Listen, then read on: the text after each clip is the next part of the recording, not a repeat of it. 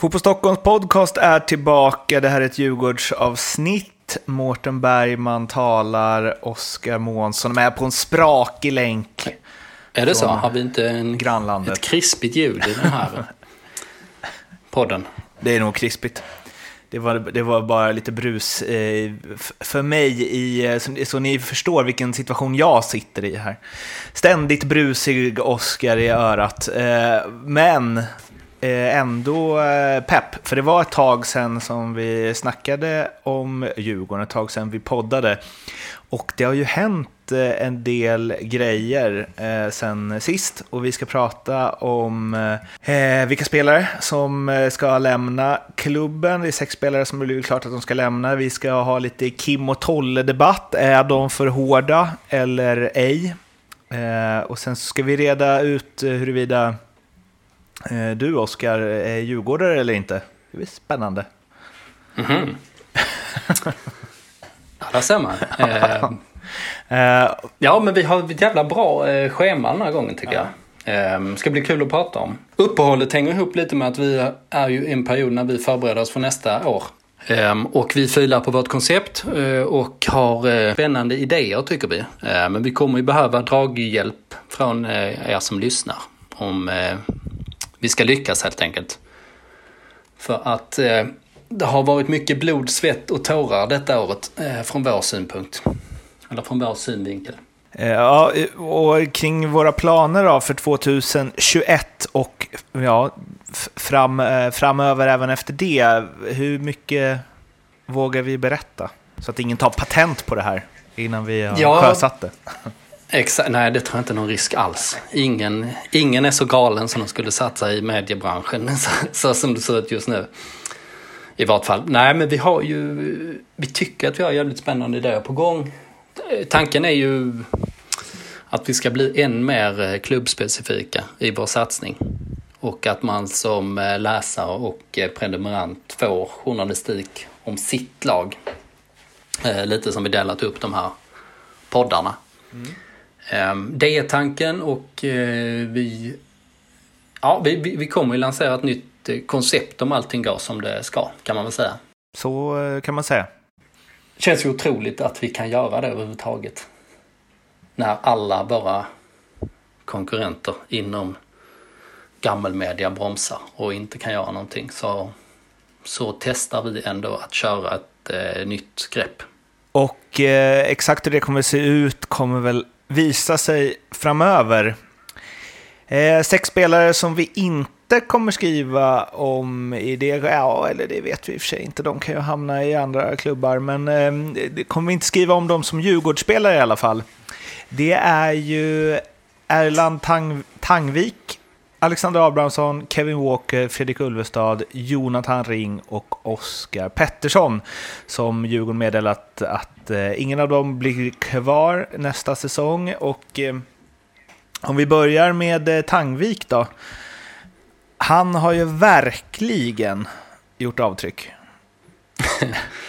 ja, det är nog... Det bör vara den spelaren som kommer att vara svårast att komma ihåg i ett framtida quiz någon gång. Verkligen. En quizspelare. Det var det första jag tänkte på när jag såg hans namn på listan. Gud, vilken bra, vilket bra quiz-svar han är. Ja, precis.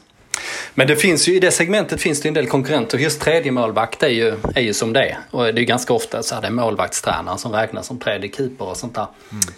Men eh, det var ju det han var. Han är ju inte liksom på den nivån och han var väl mest med för att fylla ut truppen och eh, för att han verkar vara en bra personlighet. Liten parentes om honom bara. När jag var, när jag var i Sydafrika på Djurgårdens träningsläger i januari när man trodde, när man, eller var det februari? Ja, det var i alla fall före man eh, hade hört ordet eh, statsepidemiolog. Så var han nyanländ till lägret och Eh, och snackade lite med, jag satt och snackade med Bosse Andersson och gjorde en intervju, eh, bland annat om honom. Och när vi satt där och tittade på träningen, då var det en avslutsövning och Allan Tangvik gjorde, ja men säg, säg att han gjorde så fem dunderräddningar inom liksom på två minuter eller någonting. Alltså verkligen så här superräddningar gjorde han. Så om jag bara, liksom, om jag bara kapslat in det ögonblicket så hade han ju varit eh, eh, norsk landslagskeeper i det här laget. Det är väl Men, det som eh, utmärker en inte tillräckligt bra spelare, att alla har eh, ögonblick som går att kapsla in. Eh, och anledningen att man kommer ihåg dem är just därför att de inte håller tillräckligt hög kvalitet i övrigt. Mm. Ja, men det, ja, precis. Men det är rätt roligt att det är verkligen det. Alltså, när, det är den tiden jag tittat intensivt på honom. Och det var en alltså, otrolig verkligen. Um, och sen, för sen när det var spelövningar och sånt där, eh, då hade de ju två andra målvakter som stod istället. Och sen så um, ett par månader senare var ju det bara lockdown och sen har vi inte gått på några träningar egentligen. Så ja, Mitt, eh, min minnesbild av honom kommer för alltid vara det i vart fall. Härligt. Det gör ju också att du kanske kommer ha rätt på ett framtida quiz där han är svaret. Ja, just det. Eh, sen har vi två spelare som inte heller färgat riktigt, Alexander Abrahamsson och Oskar Pettersson. Man kan väl sätta dem inom samma kategori. Två, eh, ska man inte säga misslyckade, för det, de är unga och kan repa sig, men i eh, Djurgården för den här gången så har, eh, eller det är Djurgården som har misslyckats ta fram talanger återigen eh, från egna leden. Och där skulle jag väl i alla fall säga att Oskar Pettersson, han gjorde ju några mål där i början och det tändes lite hopp och det var lite hype är ett starkt ord. Men eh, en mini-Twitter-hype bland Djurgårdssupportrar i alla fall. Eh, kring honom och eh, lite förhoppningar. Men eh, det räckte inte till. Inte nu i alla fall. Nej, det är väl lite talande för situationen att när Oskar Pettersson hoppar in och petar in en boll. Det var ju likadant i, i fjol eh, i början av säsongen när han spelade någon cupmatch och gjorde mål där. Eh, när Djurgården vann stort. Så blir, blir det den typen av reaktioner. Och det, och det tror jag beror bara på det här liksom att man önskar verkligen att man ska få upp sina egna spelare i A-laget och att de ska vara tillräckligt bra. Men eh, det är ju eh, uppenbart att Djurgården har inte tillräckligt bra ungdomsverksamhet eller brygga mellan U-lag och A-lag helt enkelt. Eh, och eh, Oskar Pettersson, jag har förstått ganska länge att han inte kommer få nytt kontrakt eftersom han har bedömt att han är, han är inte på den höga nivån redan nu. Liksom, han kan inte ta upp en truppplats. Alexander Abrahamsson har ju haft lite, lite skador som ställt till det men eh, uppenbarligen heller inte riktigt på den nivån som man hade hoppats. Så Får jag testa? har ju all, all ut, anledning att utvärdera sin, sin uh, ungdomsverksamhet. Och sen får vi väl bara uh, se om de här spelarna dyker upp i, i uh, fina sammanhang framöver. Får jag testa en spaning som jag verkligen inte har tänkt igenom och som du kanske kan med lättja skjuta ner? Det är din podd. ja, vad bra. Ja, men, unga talanger i allsvenskan. Det känns som att eh, man har alltid tänkt att så här, mittback är liksom, där ska det rutinerat, där lyfter man inte upp någon eh, 18-19-åring och så. Men eh, pa Paulus Abraham eh, aside så skulle jag säga att eh, det känns som nästan unga anfallare är liksom det svåraste att få fram. Eller så här målskyttar. Jag kan ha fel, men det känns som att det alltid är liksom... Ja, när jag tänker på unga talanger i Allsvenskan, då tänker jag så här Gigovic och Marcher och alltså spelare som man kan liksom... Ah, man skjuter in dem på ett mittfält där. Eh, så kan de, får de lite tid och liksom... Uh, ja, man ser inte om de inte gör poäng. Och, alltså, det är inte deras uppgift heller då förstås. Men eh, det känns som att anfallare haft Pontus Almqvist, men där var man, det var väl, ja, om det var det ett genombrott verkligen. Lite kanske. Det var mer att man blev förvånad över att han såldes för så mycket. Men att så här, det kommer fram en anfallare som man tänker, wow, den här spelaren kanske kommer spela i A-landslaget om tre, fyra år. Det känns som att det är väldigt eh, ovanligt i Allsvenskan. Mm, ja. Jag blir nervös av att du inte direkt eh, ummade. jag satt och funderade högt här. Eh, ja, vad kan det bero på då? Ehm, dels är det ju alltid lite slumpen som styr såklart. Ehm, men eh, ja, en spontan teori kanske att, att all anfallspositionen är den som kräver allra mest av spelarna nu för tiden. Att så som lagen spelar så letar alla efter de här eh, kompletta anfallarna. Mm. som är väldigt, alltså som är duktiga pressspelet och som framförallt har en jävla löpstyrka. Och sen så liksom förhoppningsvis har tillräckligt många bra egenskaper till det. Att det kanske är lite annorlunda än, än tidigare när man antingen var liksom targetspelare eller eh, liten och snabb. Exakt, alltså om man spårar tillbaka 20 år, då kändes det som att de unga spelare som mest fick chansen i allsvenskan var de som var anfallare. Snabba. Joakim Sjöhage slängde man in. För att han sprang ifrån, han hade bättre fysik och var snabbare än de äldre spelarna. Och då kunde man chansa lite med en snabb där uppe som man bara kunde slå långt på. Det har ju helt försvunnit liksom. All respekt till Joakim ja. Sjöhage, men han hade ju inte haft något att hämta idag. Nej, han hade, han hade nog inte det. Eh, nej, just det där pressspelet och snabbheten är jätteviktig, men det är framförallt att vara bra på att löpa. Det är ju två olika saker på något sätt. Eh, nej, att man tar rätt typer av eh, djupledslöpningar hela tiden. Mm. Nu när vi sitter och pratar Djurgården så är väl Tobbe Hysén är väl en jättebra, eh, en, eh, jättebra, jättebra exempel på, på, en, på en gammal spelare då. Mm. Eh, som var jävligt bra på att löpa. Han var ju, han var ju extremt duktig i djupled eh, länge. Han tappade väl kanske lite eh, av de dimensionerna när han blev äldre. Men det var ju inte för att han var sådär exceptionellt snabb kanske. Eh, åtminstone inte när han kom upp liksom i 30-årsåldern. Men han var ju fortfarande jävligt bra på att löpa. Han tog rätt löpning hela tiden. Eh, jag eh, kan tänka mig att han hade passat bra in i dagens fotboll. Att han hade, när man har liksom en helt annan typ av pressspel eh, mycket högre och aggressivare pressspel liksom att han hade passat i det. Om vi ska ta... Men eh, det, det är i alla fall om man ser på världsfotbollen så letar alla efter de här kompletta anfallarna. Mm. Eh, som kan eh, mycket. Alltså liksom Lewandowski, Lewandowski är ju drömspelaren som verkligen har alla egenskaper en anfallare kan ha. Liksom. Så, så modell, det, det alla letar efter är för så mycket Lewandowski man kan få på något sätt. Verkligen, och det tar oss ju väldigt alltså anfallare man söker idag i toppfotbollen är ju ganska långt ifrån eh, liksom Michael Owen, som ju ändå blev, blev inte han utsedd till världens bästa spelare? Ja, han blev ju faktiskt det ett år, eller om det var Europas bästa 2003. Mm. Och han var ju... Eh, alltså när han kom upp, jag kommer ihåg hans första match i Liverpools, i Premier League att han var liksom så otroligt mycket snabbare än alla andra. Vilket gjorde att han kunde, han kunde liksom köra tjockisfinten på de här gamla liksom, eh, mittbackarna som krökade tre dagar i veckan. Eh, och det var, liksom, det var helt unikt med en sån snabb anfallare. Eller en sån snabb spelare. Och det är ju inte alls... Alltså, Michael Owen var ju klart att han var bra på andra grejer också och liksom smart och jätte, jättebra avslutare. Men det var inte så att han hade liksom någon superteknik eller så här, slog sin gubbe på något annat sätt än snabbhet. Nej, jag tror heller att, inte att liksom Pippo Inzaghi-spelaren är så eftertraktad längre. Um, och jag tror inte heller att den renodlade target-spelaren vad har vi för några där?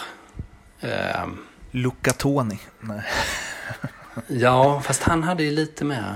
Ja. Nile Quinn drar jag ja, till med. och Kevin Phillips. Det... Härlig. Där var det verkligen så här. Da... Lång boll, nick i djupled, spring ifrån, skjut. Ja, verkligen. Eh, nej, men så det är därför jag tror till exempel sånt som Isak Kiese att MFF eh, är... Eh, de vill verkligen ha honom i laget. Och han har en jättedyr prislapp. Om MFF köper honom kommer han vara den dyraste investeringen i Allsvenskan någonsin tror jag. Alltså man räknar in övergångssumma och sign-on. Åtminstone kommer han ligga i de dimensionerna och då är han liksom en, eh, ja han är ju ingen ung spelare som man kan sälja vidare. Och eh, han är ju, eh, ja ibland liksom på gränsen till landslaget men det är ju liksom inte det är ju inte en overkligt bra spelare i MFF precis. Men han är ju targetspelaren som också har speeden. Alltså, sen är inte han någon alltså, klinisk avslutare egentligen. Alltså, det har han ju, det har han ju aldrig varit. Alltså, han har ju, touchen är inte sådär jättebra liksom, och spelförståelsen är inte på absolut topp. Men han har hela det här fysiska paketet. Eh, att han liksom kan trycka ner en backlinje genom sin tyngd, genom sin löpstyrka och så vidare. Och det är därför MFF verkligen är beredda att lägga stora pengar för att få ha honom permanent i laget. Ehm, för att man förstår att det är så jäkla svårt att hitta en sån spelare. Och eh, ja, det har ju varit lite följetongen i, i Djurgården också såklart den här säsongen. Den behöver vi inte fördjupa oss i nu. Men eh, Buya Turay som har, eh, sa, ja, saknar ju vissa egenskaper nästan helt men har de eh, maxar den här fysiska biten och kunna ta maxlöpningar och trycka ner en backlinje och pressspel och hela den biten. Plus, plus att han då var en, en duktig målskytt. Långt utlägg som började i Oscar Pettersson. Eh, ja. sen, sen, har vi Kevin Walker, det ska vi återkomma till. Han är också klar att han eh, lämnar. Det har nog ingen som lyssnar på den här podden missat. Eh, Fredrik Ulvestad, ehm, ja, eh, tungt, tungt, tungt, tungt, tungt tapp för Djurgården. Men som vi alla vetat om ju. Aj, aj, kapten. Mm. Ja, det har vi vetat om. Det har Djurgården sagt från första stund.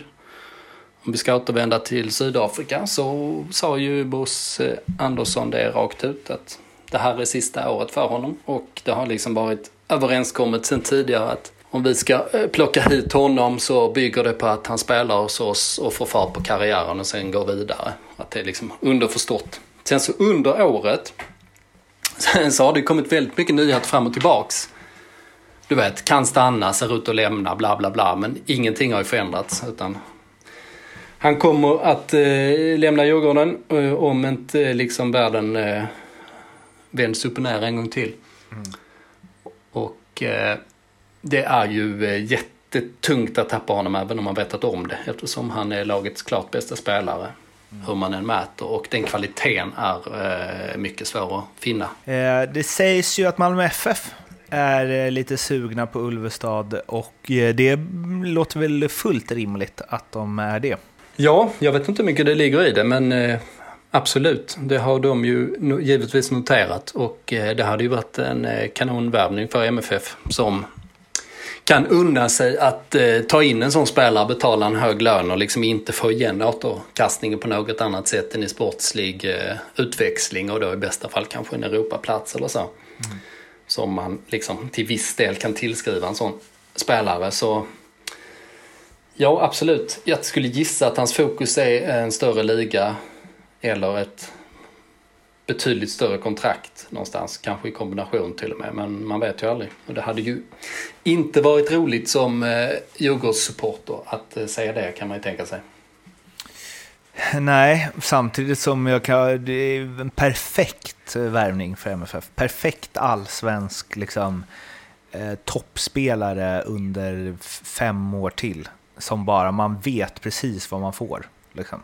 Han har en väldigt hög lägstanivå Eh, och hög högsta nivå också för den delen. Men han levererar ju alltid. Liksom.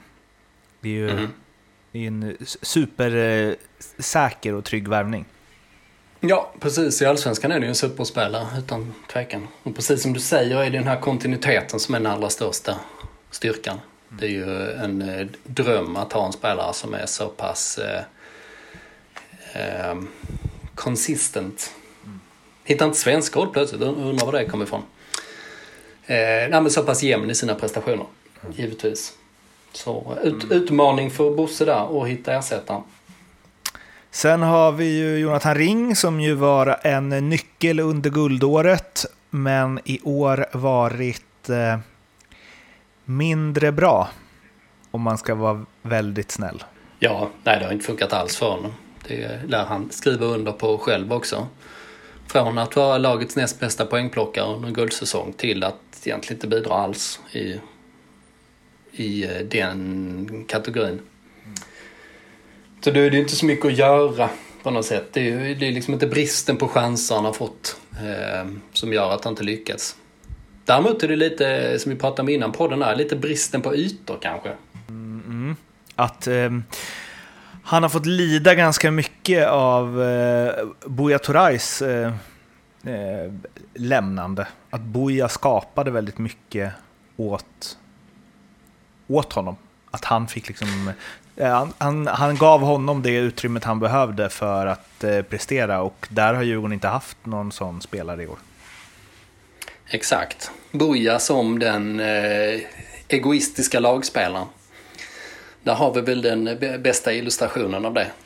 Men, eh, nej, men Buja, med Buja var ju alla motståndarbacklinjer tvungna att eh, falla liksom, ja, 10-20 meter i planen. Ehm, och det gjorde ju att eh, luckor uppstod mellan eh, mittfält och försvar hos motståndarna och den ytan då kunde Jonathan Ring utnyttja när han kommer i fart och bryter in. Ehm, och de ytorna har inte funnits alls i samma utsträckning i år. Så eh, där har vi nog en, en, stor förklaring till varför det inte lyft.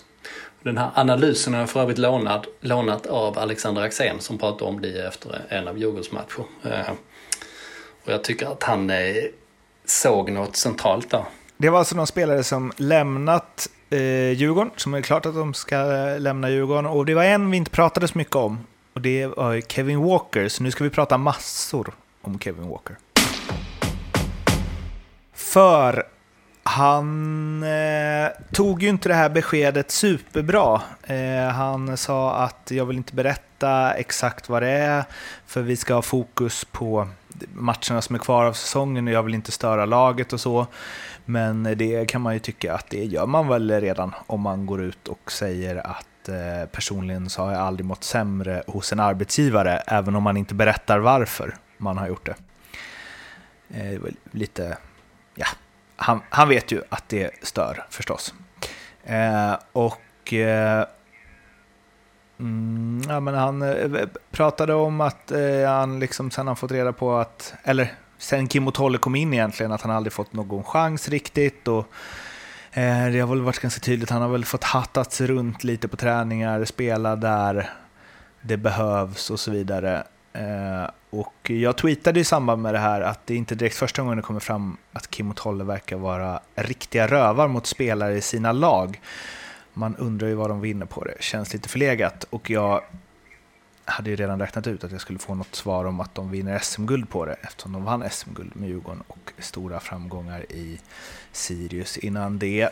Ehm, du stack ut hakan kan man ju konstatera. Ja, men någonstans blir det så här för jag är ju samtidigt en sån som kan försvara liksom, mm, ja men efter att ha sett eh, Last Dance kan jag försvara Michael Jordan att ja, man kanske inte kan vara en hygglo mot allt och alla om man hela tiden ska prestera max och kräver av sina lagkamrater att de ska prestera max och därigenom eh, når man också framgång. Eh, sen så är det ju en lång bit till att vara bete sig som att man är NBAs bästa spelare eller att vara tränare i ett allsvenskt fotbollslag. Och jag tycker också att man kan ha andra förväntningar på det och eh, det jag har hört om Kim och Tolle från, eh, från andra spelare som kanske inte varit deras favoriter och kanske inte varit så viktiga i laget och sånt vi pratat om tidigare, att de lägger inte så mycket fokus på de spelarna som är utanför de 16 de tänker ska spela. Eh, men det behöver ju inte... Alltså jag tror inte att det här bara beror på att Kevin Walker inte har fått någon speltid. För då tror jag inte man går ut och säger så som han gör. Utan eh, Nej, det tror inte jag heller. Jag tror att det är mer saker där bakom. Jag tror inte att han bara är besviken över att han inte spelat. Eh, och därför så tycker väl jag att Uh, ah, jag tycker att det är uh, ett underbetyg att spelare känner så när de lämnar en klubb efter så uh, lång tid. Och om man ja. vädrar i media så skulle jag också säga att, i alla fall om man är en person som jag uppfattar att den personen Kevin Walker är, så säger han inte så här om det inte verkligen varit illa. Nej, eh, nej jag tror det är en kombination. Eh, dels att han eh, tycker att han borde ha fått förtroendet länge och inte har fått det alls under två år efter att faktiskt ha presterat bra under tidigare säsonger. Vilket vi också kommer till, ytterligare en cliffhanger.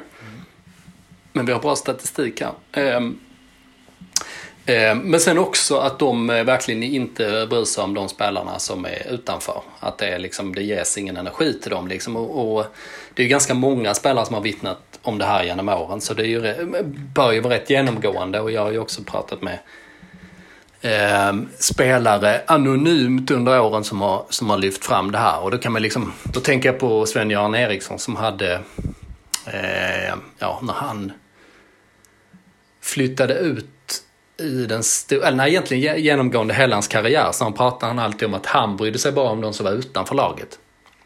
Eh, för de andra var ändå nöjda, de som fick spela. Så hans utmaning var alltid liksom att lägga fokus på de andra. Så där kan man väl ha eh, motpolen då. Så det är ju, det är ju jävligt eh, krast och jävligt eh, rakt liksom. Och det här klappen på axeln verkar inte existera alls. Och Kim Bergstrand är ju dessutom en person som tar konflikter. Eh, det har jag ju fått känna på eh, personligen till exempel. Liksom han har ja, kallat mig för jag pratade med en podd för något år sedan. Liksom. Han hade långa sms och oseriös och dålig Java till exempel som journalist. Efter en eh, bagatell tycker jag, eh, där jag dessutom inte tyckte jag gjort något fel alls. Eh, om jag rannsakar mig, utan tyckte snarare att jag var jäkligt schysst mot honom. Och, och det, var, det var inte så att jag fick någon ursäkt eller något sånt där liksom. Um, så då har jag liksom personligen känt eh, av det lite där och det har ju fler personer gjort liksom att det är alltid de här konflikterna som driver honom. Ehm, men jag ska också försvara Kim och, Kim och Tolle. Ehm, för att det, Expressen publicerar ju nu en artikel där de hade pratat med Djurgårdsspelare anonymt och tecknade en bild av hur deras ledarskap fungerade och, eller hade fungerat under året. Och eh, då ska man komma ihåg att en sån eh, artikel handlar ju om vissa personers uppfattning så det behöver liksom inte automatiskt vara sanningen utan det är liksom en en vald del av den kan man ju säga. Ehm, så är det ju alltid. Det var det tydliga att bilden som beskrevs var ju då att det fanns en eh, Kim och eh, Tolle-sätt eller inget alternativ alls. Att man helt enkelt ska rätta sig in i ledet och de har alltid rätt på något sätt. Och det kan ju vara ett problem. Men grejen är att jag tycker att de för det mesta har rätt.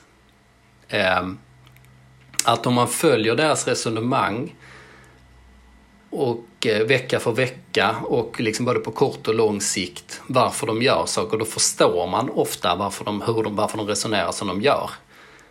Alltså det finns en logik i deras sätt att uppträda eh, och deras sätt att resonera. Så att, och det har man egentligen sett liksom från hela Sirius-biten. Och att de, de är ju jäkligt skickliga på det de gör. De fattar vad som funkar, de är strategiska.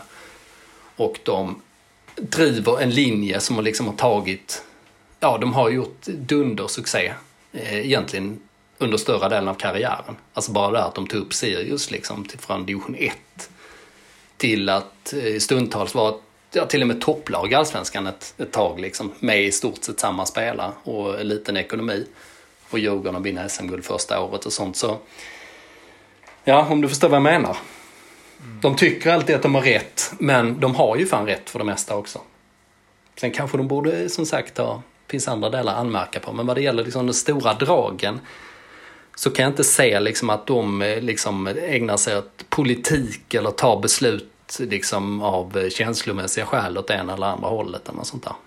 Jag tycker bara att man kan, eh, om man inte kan eh, hålla liksom de som inte spelar eh, nöjda, det är väl en sak att alla vill spela annars gillar man inte träna, en klassisk eh, idrottare-sägning. Men jag tycker bara att det är, när, om liksom en spelare lämnar med de orden, eh, ah, det är klart att man kanske ska rannsaka sitt ledarskap då, och man kan väl utvecklas. Alltså, det, det finns ju inget som säger att bara för att man är framgångsrik eller så här, det är ju bättre att vara framgångsrik och att spelare inte känner som Kevin Walker än att vara framgångsrik och att spelare känner som han. Det kan man ju konstatera i vart fall. Eh, så det finns väl något så här, ja, det är ju kul att de vinner guld, men det hade varit roligare om de hade vunnit guld eh, om inte personer i truppen hade mått skit samtidigt. Typ så. Det hade ju varit bra. Sen så har vi ju, eh, det är ju två situationer här som är de intressanta. Ja, som är kärnan i historien nu om vi utgår från det som Expressen skrev. Och det är ju Astrid och Kevin Walker då. Astrid-situationen som lyfts i eh, Expressen är ju att eh, de har uppgifter på att eh, Kim Bergstrand ställde ultimatum att om Astrid ska vara kvar i den här klubben så lämnar jag. Något som förnekats av Bosse Andersson, en dock intressant uppgift. Ja, en dementi behöver inte betyda att det är facit. Så som kanske många supportrar tänker sig att det är. Och eh, en tidningsuppgift behöver ju inte heller vara facit så som kanske konkurrenternas supportrar tänker som det. Eh, så har vi garderat oss åt alla håll. Eh, men vad det gäller Astrid-situationen så kommer jag ju i alla fall mest på Kim och Tolles sida. För att eh, där har man ju en spelare som inte levererat eh, alls vad man tänkte att han skulle göra och som uppenbarligen liksom inte varit tillräckligt i form för att ja, kunna, kunna göra det som han är anställd för. Han tränar ju liksom så sent som eh, inför den här säsongen liksom på egen hand för att komma i fysisk form och sådär. Så han, och han har ju liksom, ja, han har ju en assist under 2019-säsongen när man tar guld där han ska vara nummer 10 och han fick ändå hyfsat med chanser och så. Så att eh, han lämnade med, ja med tanke på den svansföringen som han har helt enkelt, Astrid, så är det ju inte så konstigt att, eh, att man som tränare tycker att eh, det blir liksom mer belastning i slutändan än tillgång. Eh, gällande Kevin Walker då, om vi går tillbaka till det spåret, så du bloggade ju om honom eh, i, eh, under 2019 eh, och sammanfattade lite hur eh, framgångsrikt han varit under sin tid i Djurgården. Där han eh, 2015 startade 21 allsvenska matcher och Djurgården då eh, tog eh, 1,76 poäng i snitt per match som han spelade. Utan honom 1,33. 2016 var det 24 starter, 1,54 med honom, 1,0 utan honom. 17 23 starter, 1,82 med honom, 1,57 utan honom. 18, 13 starter, 2,23 med honom och 1,1 utan honom. Och eh, när den här bloggen författades så hade han startat eh, ett gäng tävlingsmatcher. Eh, han har blivit uttagen i 08-11 på Fotboll Stockholm fyra av fem gånger. Och han var ju liksom en nyckelspelare på alla sätt och vis. Men sen... Eh, du kan aldrig ana vad som hände sen. Nej, exakt. Berätta. Ja, precis. Nej, efter detta så blev det ju egentligen bänken. Alltid. Ja, vilket då är den här perioden som gör att han uttalade sig som han gjorde i slutändan för Expressen. Ehm, och det är, liksom, det är mycket vända och vrida eh, diskussion det här. För att den bloggen jag skrev då var ju att Kevin var underskattad för den här statistiken som du tog upp. Den är ju fan anmärkningsvärd alltså. Jäkla skillnad på när han spelar och inte. Samtidigt, inför 20, 2019, då har vi liksom eh, eh, Ulvestad klar såklart. Astrid kommer in som stjärnan, eh, dyr spelare som man liksom investerat pengar och prestige i. Så honom behöver man ju eh, hitta någon lösning för och sen så då dök, fick ju plötsligt eh, Jesper Karlström en jäkla fart liksom från att nästan inte vara önskad i klubben till att under nya tränarna hitta en självklar roll som den defensiva mittfältaren. Och i ett sånt system, problemet där är alltså Kevin Walker, han, han konkurrerar med Fredrik Ulvestad. Framförallt. Alltså han skulle kunna ta Karlströms roll, men han är inte lika utpräglat defensiv. Inte riktigt lika fysisk som spelare. Han skulle kunna ta Fredrik Ulvestads roll. Ehm, det hade ju varit den perfekta för honom. Men han är inte lika bra som Fredrik Ulvestad, som är lagets bästa spelare. Det var han då. Sen kan man väl säga att Marcus Danielsson gick under om under, under säsongen. Men där var han ju snäppet efter. Och sen så Astrids roll är ju inte heller riktigt den han ska ha. Eh, för han är ju inte en tia på det sättet. Även om han så uppenbarligen var både då och nu är bättre än vad Astrid är. Men nej, det var liksom... Det var, man kunde stoppa in honom var som helst och han skulle kunna lösa det och stoppa in honom. Alltså de använder ju honom som vänsterback. Någon gång när jag skrev den där bloggen hade de ju testat honom som vänsterytter. Alltså vänsterytter i ett 4-3-3 i stort sett liksom i någon träningsmatch och han löste det sådär. Men eh, nej, alltså. Ja, den är lurig för att där kan jag också förstå Kim och Tolle, eh, som sagt, varför det slutade som det gjorde. För var skulle de stoppat in honom när truppen gjorde, eh, såg ut som det gjorde? Alltså det gick ju inte att rubba Ulvestad eller Karlström efter ett tag. Och sen så behövde de ju en lite mer kreativ spelare på mitten. Sen kom ju dessutom Curtis Edwards in i något läge. Men det som är intressant nu när vi pratar om Fredrik Ulvestad och att han ska lämna och att det kommer bli så svårt att hitta den kvaliteten på hans position. Så ironiskt nog så är ju kanske Kevin Walker en så bra ersättare man kan hitta. Eller åtminstone det kommer bli svårare att hitta en bättre mitt, eh, ersättare till, hon, till honom. Alltså en tvåvägs mittfältare. Snyggt. I den kvaliteten. Mm. ja, verkligen. Men, men, nu, men nu, precis, eller hur? För att hitta en sån spelare som är liksom, ja men det ska vara Kevin Walkers typ. Som är så, ja men det är en bra allsvensk spelare. Som är jämn och man vet vad man får. Och ja, det, man får lite av varje med honom liksom. Framförallt inga svagheter kan man väl säga hans, hans grej. Då blir det dyrt direkt. Mm. Ehm, och dyra lösningar om man... Djurgården har ju vissa marginaler till skillnad från de flesta andra konkurrenterna. Men 2021 kommer inte handla om att spendera precis.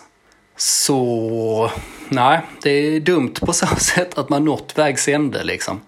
För att Kim och Tolle eh, finns det ingen anledning att flytta på med tanke på vad de trots allt har uppnått. Och eh, ja, relationen så som den ser ut med Walker nu. Surt, sa räven. Men snyggt, Precis. snyggt liksom, ja. Fick vi ihop det ja, där? Nu har jag, nu, ja, jo, ja, precis gjorde det. Ja, det gjorde jag nog va. Det känns som att jag testat alla synvinklar nu. Ja, verkligen. Eh, en helgardering. Liksom, ja, men så här, precis. Det, men för det är ju samtidigt liksom, alltså, å ena sidan är det så. Fan shit, det kanske bästa lösningen kanske bara varit att ha kvar Kevin. Billig, billigt och bra. Eh, men samtidigt är det så också, ja men det, sånt här händer ibland i fotbollslag. Alltså om Astrid var en dunderfelsatsning som slutar med att man måste köpa ut honom. Och sen eh, liksom eh, ja, låtsas att allt är frid och fröjd utåt liksom. Det är ju, ja, det, det är ju så dåligt slut det kan bli för en investering. Så är ju detta mer förståeligt liksom att ibland blir det bara så att eh, vissa spelare tar eh, stora steg och andra halkar ner i hierarkin och så vidare. Så det är ju surt för de enskilda men ibland kan det bara bli så här liksom. Anledningen att du eh, lyckas helgardera dig så här mycket och liksom vänder och vrider på allt och koll på allt och ändå får ihop det så snyggt, är det för att du är djurgårdare? Ja, precis. Det skulle det kunna vara. Men jag vill ju först höra påståendet. Eh, jag, jag tror jag anar var det kommer ifrån i och för sig. Men... Eh, ja, det var väl efter ehm, eh, du kritiserar Sebastian Larssons... Eh, ja, eller du skrev att han borde ha rött kort efter att han sparkade omkull Fredrik Ulvestad. Så blev det väl eh, lite liv om det på Twitter. Att du liksom tog eh, Djurgårdens parti i den mest solklara, i det mest solklara röda kortet som inte blivit röda kort i årets allsvenska. Ja, man kanske ska hålla sig ifrån och twittra sånt. Ja, men när det är, alltså... Man måste få skriva ju... att himlen är blå. Utan att folk ska bli Ja, upprörda. exakt. Ja, och det är därför jag gör det också såklart. Eftersom det var en miss eh, av domaren. Men det är också lite så här, ja, man måste man skriva att himlen är blå? Det är väl bara konstatera. Ja, men... Du. Jo, nej, det måste man inte. Men folk kan inte bli upprörda på det. Nej, det kan man ju tycka. Men det blev de ju sannerligen. Ja, precis. Nej, men då... Och sen så har jag hyllat Marcus Danielsson också där ju. Um, det har jag i gjort länge. Nu framförallt, eh, då passade jag på, opportunistisk som jag var, och twittra ut eh, efter det där eh, nickmålet i turnen mot Kroatien. Så eh, kunde jag inte hålla mig från att liksom se ni nu då, liksom. För det har ju också varit en, en kamp på sociala medier och på e-mailkorgen och sånt här liksom. Eh, men vi kanske ska ta Sebbe först. Vad, vad, vad, säger du om situationen? Eh, mega, mega rött. Mm. och eh, jag blir nästan... Står det mega på, eh, mega på eh, alltså, kortet? Där, det är ett stort kort. Som vecklas ja. ut, ihopvikt tio gånger för att ha normal kortstorlek.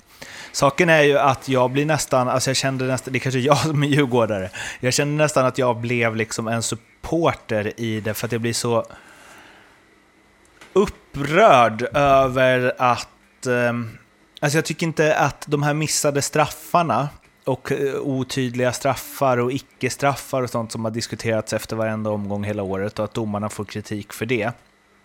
Visst, det ska de ha. Jag tycker inte att det är någonting mot hur man kan missa det här. Och grejen är, han missar det ju inte, han ser det ju. Men tycker att det är ett gult kort. Och jag blir, jag vill inte vara en sån här person, men jag tror att om eh, Micke Almebäck hade gjort samma grej hade han åkt ut direkt med rött kort. Tänk dig en Bonke Innocent i MFF. Ja. Eh, 100% försökt dribbla hans- rött kort.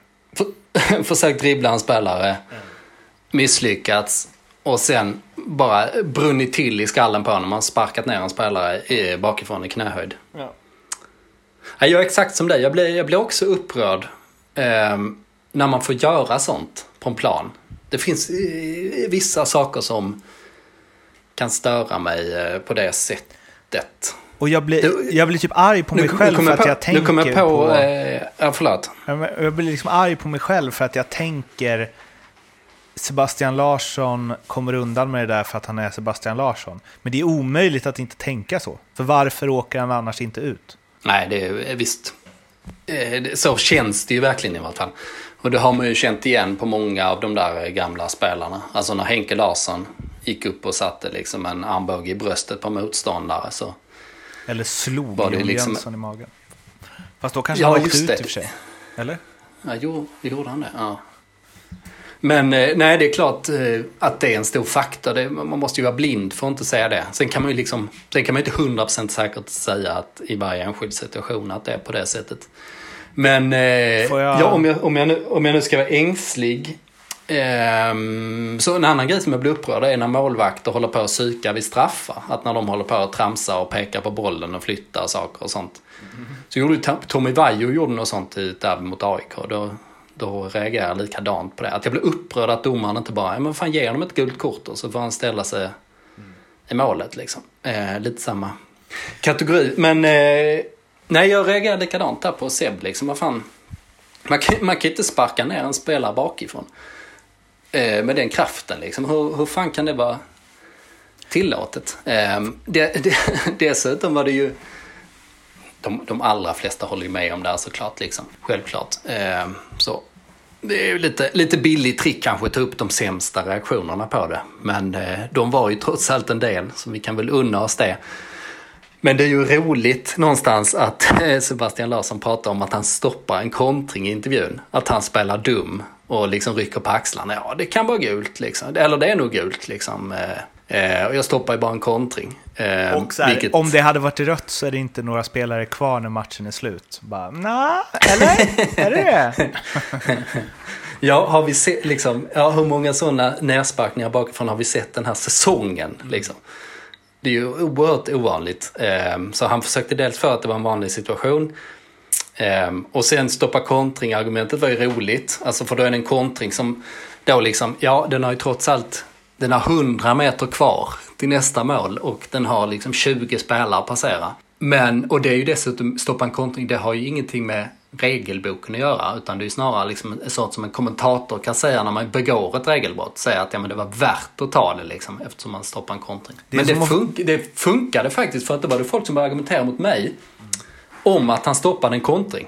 Tips Ehm, till spelare liksom- om ni någon gång tar med handen på mållinjen för att rädda bollen från att gå i mål. Då kan ni ju säga, men jag stoppade ju faktiskt en mål. Så jag borde inte få Ja, rätt kort. Ja, exakt, där har vi det. Nej, det var, eh, det var en eh, rolig debatt, men det är väl lite eh, när derbyglasögonen Mm, åker på. jag måste så säga en till grej om det. Också. Som, ja, om ni har lyssnat på Ljugarbänken där jag poddar också så ber jag om ursäkt för det blir lite upprepning. Men jag tycker att jag hade en jävla fin spaning där. Men det är ju att jag, jag tänker, jag kanske överanalyserar det lite, men jag tänker att domaren tänker så här eftersom man ser det. Han tänker så här, okej det är Sebastian Larsson, han som alltid är aggressiv och gnäller på domarna. Så jag känner att han borde få rött här. Men jag ska inte låta de känslorna ta överhanden och visa ut honom bara för att han är Sebastian Larsson. Som alltid klagar på allt. Så därför ger jag honom ett gult. Mhm, mhm. Och så blir det liksom f- dubbelfel, typ. För det man tänker är att han får gult för att han är Sebastian Larsson. Och det kanske är det, men jag tror att han får gult för att han är Sebastian Larsson, fast av fel anledning. Liksom. Att du vet att man ska så här, nej, bara för att han har liksom tre, alltså så här, som att man skiter i att varna Simon Strand i Elfsborg. För att han har liksom 17 varningar redan och man tänker att äh, jag ska inte, det var, jag tyckte nog att det var fulare än vad det var för att det var han som gjorde det. Jag tyckte nog att den här efterslängen var fulare än den var för att Sebastian Larsson är en aggressiv spelare och han kan göra sådana där grejer ibland. Jag ska inte ryckas med i det. Vad tror du om det? Hobbypsykologi. Mm, det får vi väl eh, kalla det. Men eh, det var ju det första också. Ja. Nej, jag tycker vi lämnar det till eh, lyssnarna att eh, fundera på, på egen hand tycker jag. Var det allt va? Det var det väl. Eh, Marcus Danielsson pratade vi lite kort om. Mm. Apropå att jag är djurgårdare. Men eh, spännande att se i vart fall. Eh, och eh, hoppas verkligen att eh, det verkligen har gått in nu. För oss som suttit och sett liksom 40-50 matcher i rad med Marcus Danielsson. Där han spelat på en högre nivå än alla andra på planen nästan varje gång. Så har vi fattat att det är liksom Ja, men det är klart att han är tillräckligt bra för ett eh, landslag. Framförallt när konkurrensen ser ut som den gör. Alltså när Granqvist är skadad och sen är det liksom Helander och Pontus Jansson som finns där bakom som tvåa bredvid Lindelöf. Så, eh, ja men nu jävlar har väl vi fått rätt. Efter all eh, spott och spe som vi har fått utstå. EM-guld 2021 med Danielsson. Så jävla farligt så jävla farligt har det kanske inte varit. Eh, men men eh, jag, fatt, jag fattar dem som, eh, eh, som inte har trott på hypen. Alltså du vet, från MFF-håll till exempel, IFK Göteborg och sånt där liksom, som tycker att 08 håller på och överdriver och hypar spelare hit och dit. Liksom. Och det, det, alltså det finns ju ofta en sanning i det, liksom, att det blir större hype när det dyker upp eh, bra spelare i de klubbarna. Det gäller ju inte minst liksom, eh, talangmässigt. Och att den här backen där som spelat i Sundsvall i så många år plötsligt skulle vara så jävla bra liksom. Man kan ju förstå magkänslan. Att det borde vara så. Men eh, som sagt, vi som har eh, se, sett honom på riktigt i träning och på framförallt så många matcher liksom har ju eh, förstått att den här hypen är eh, fullt befogad och att han är någonting helt annat. Det liksom... Så det är väl eh, kul. EM-guld 2021 får vi väl eh, kanske lite att ta i när Sverige trots allt liksom har vunnit en match i den här gruppen. Liksom tre poäng eh, mot visserligen inte, de bästa lagen. Men, men det är inte så att Sverige... Sämre liksom än sin senaste match. Nej, så är det ju sig. men, eh, men det är ju en jävla bra pusselbit om man kan liksom göra Danielsson till en uppdaterad eh, Andreas Jakobsson. Efter 30 i landslaget karriär, liksom under ett par mästerskap. Så är det en jäkla uppdatering efter liksom Granqvist och Pontus Jansson som testat. Så båda har ju liksom bara uppenbarligen bara gett bort eh, mål på slutet. Liksom. Att det duger inte om man ska ta nästa steg. Men eh, Danielsson har ju, har ju faktiskt det där tycker jag. Om man ska visa lite förståelse för de som inte eh, förstått hur bra han är. Det var, vi Mm, inkluderar jag oss i det? Ja, okay, så här. Det var ganska många människor som under tiden han spelade i Sundsvall nog tänkte äh, han är bara bra i Sundsvall. Det där kommer aldrig höja, hålla i en stor klubb. Ja, verkligen. Och Djurgården tog ju in honom. Det var inte, det var inte någon prioriterad värvning utan det var ju liksom eh, ja, det är väl en bra lösning här på, som tredje mittback. Och att han, han borde ändå hålla rätt hög nivå här liksom. Sen gick det ju liksom hela 2018, han var ju deras bästa mittback då också men han fick ju inte han var ju liksom inte prioriterad där heller. För då hade man ju en märklig situation med Jonas Olsson där i, över honom i hierarkin. Ja, nej, jag hade ju inte sett det heller givetvis liksom. Alltså om en mittback spelar i superettan plötsligt liksom när han borde vara i liksom sina i, i sitt esse åldersmässigt. Då är det ju rätt svårt att tro att han liksom ska bli, eller går det ju inte att tro att han ska bli en landslagsman sen, lite senare. Så är det. Det var en timma Djurgården det. Så, uh... Exakt, var landar vi nu då? Är det du som är Djurgården kanske? um... Ja. Ja, uh, ja tyst, tystnaden. Får tala för sig själv. Får tala. Ja. Eh, vill ni nå oss finns vi på Twitter, Instagram, Facebook. Fotboll Stockholm är det överallt. Eh, hör av er om ni vill. Det blir kul. Vi hörs igen eh, snart. Tills dess, må gott. Hej då! Hej då!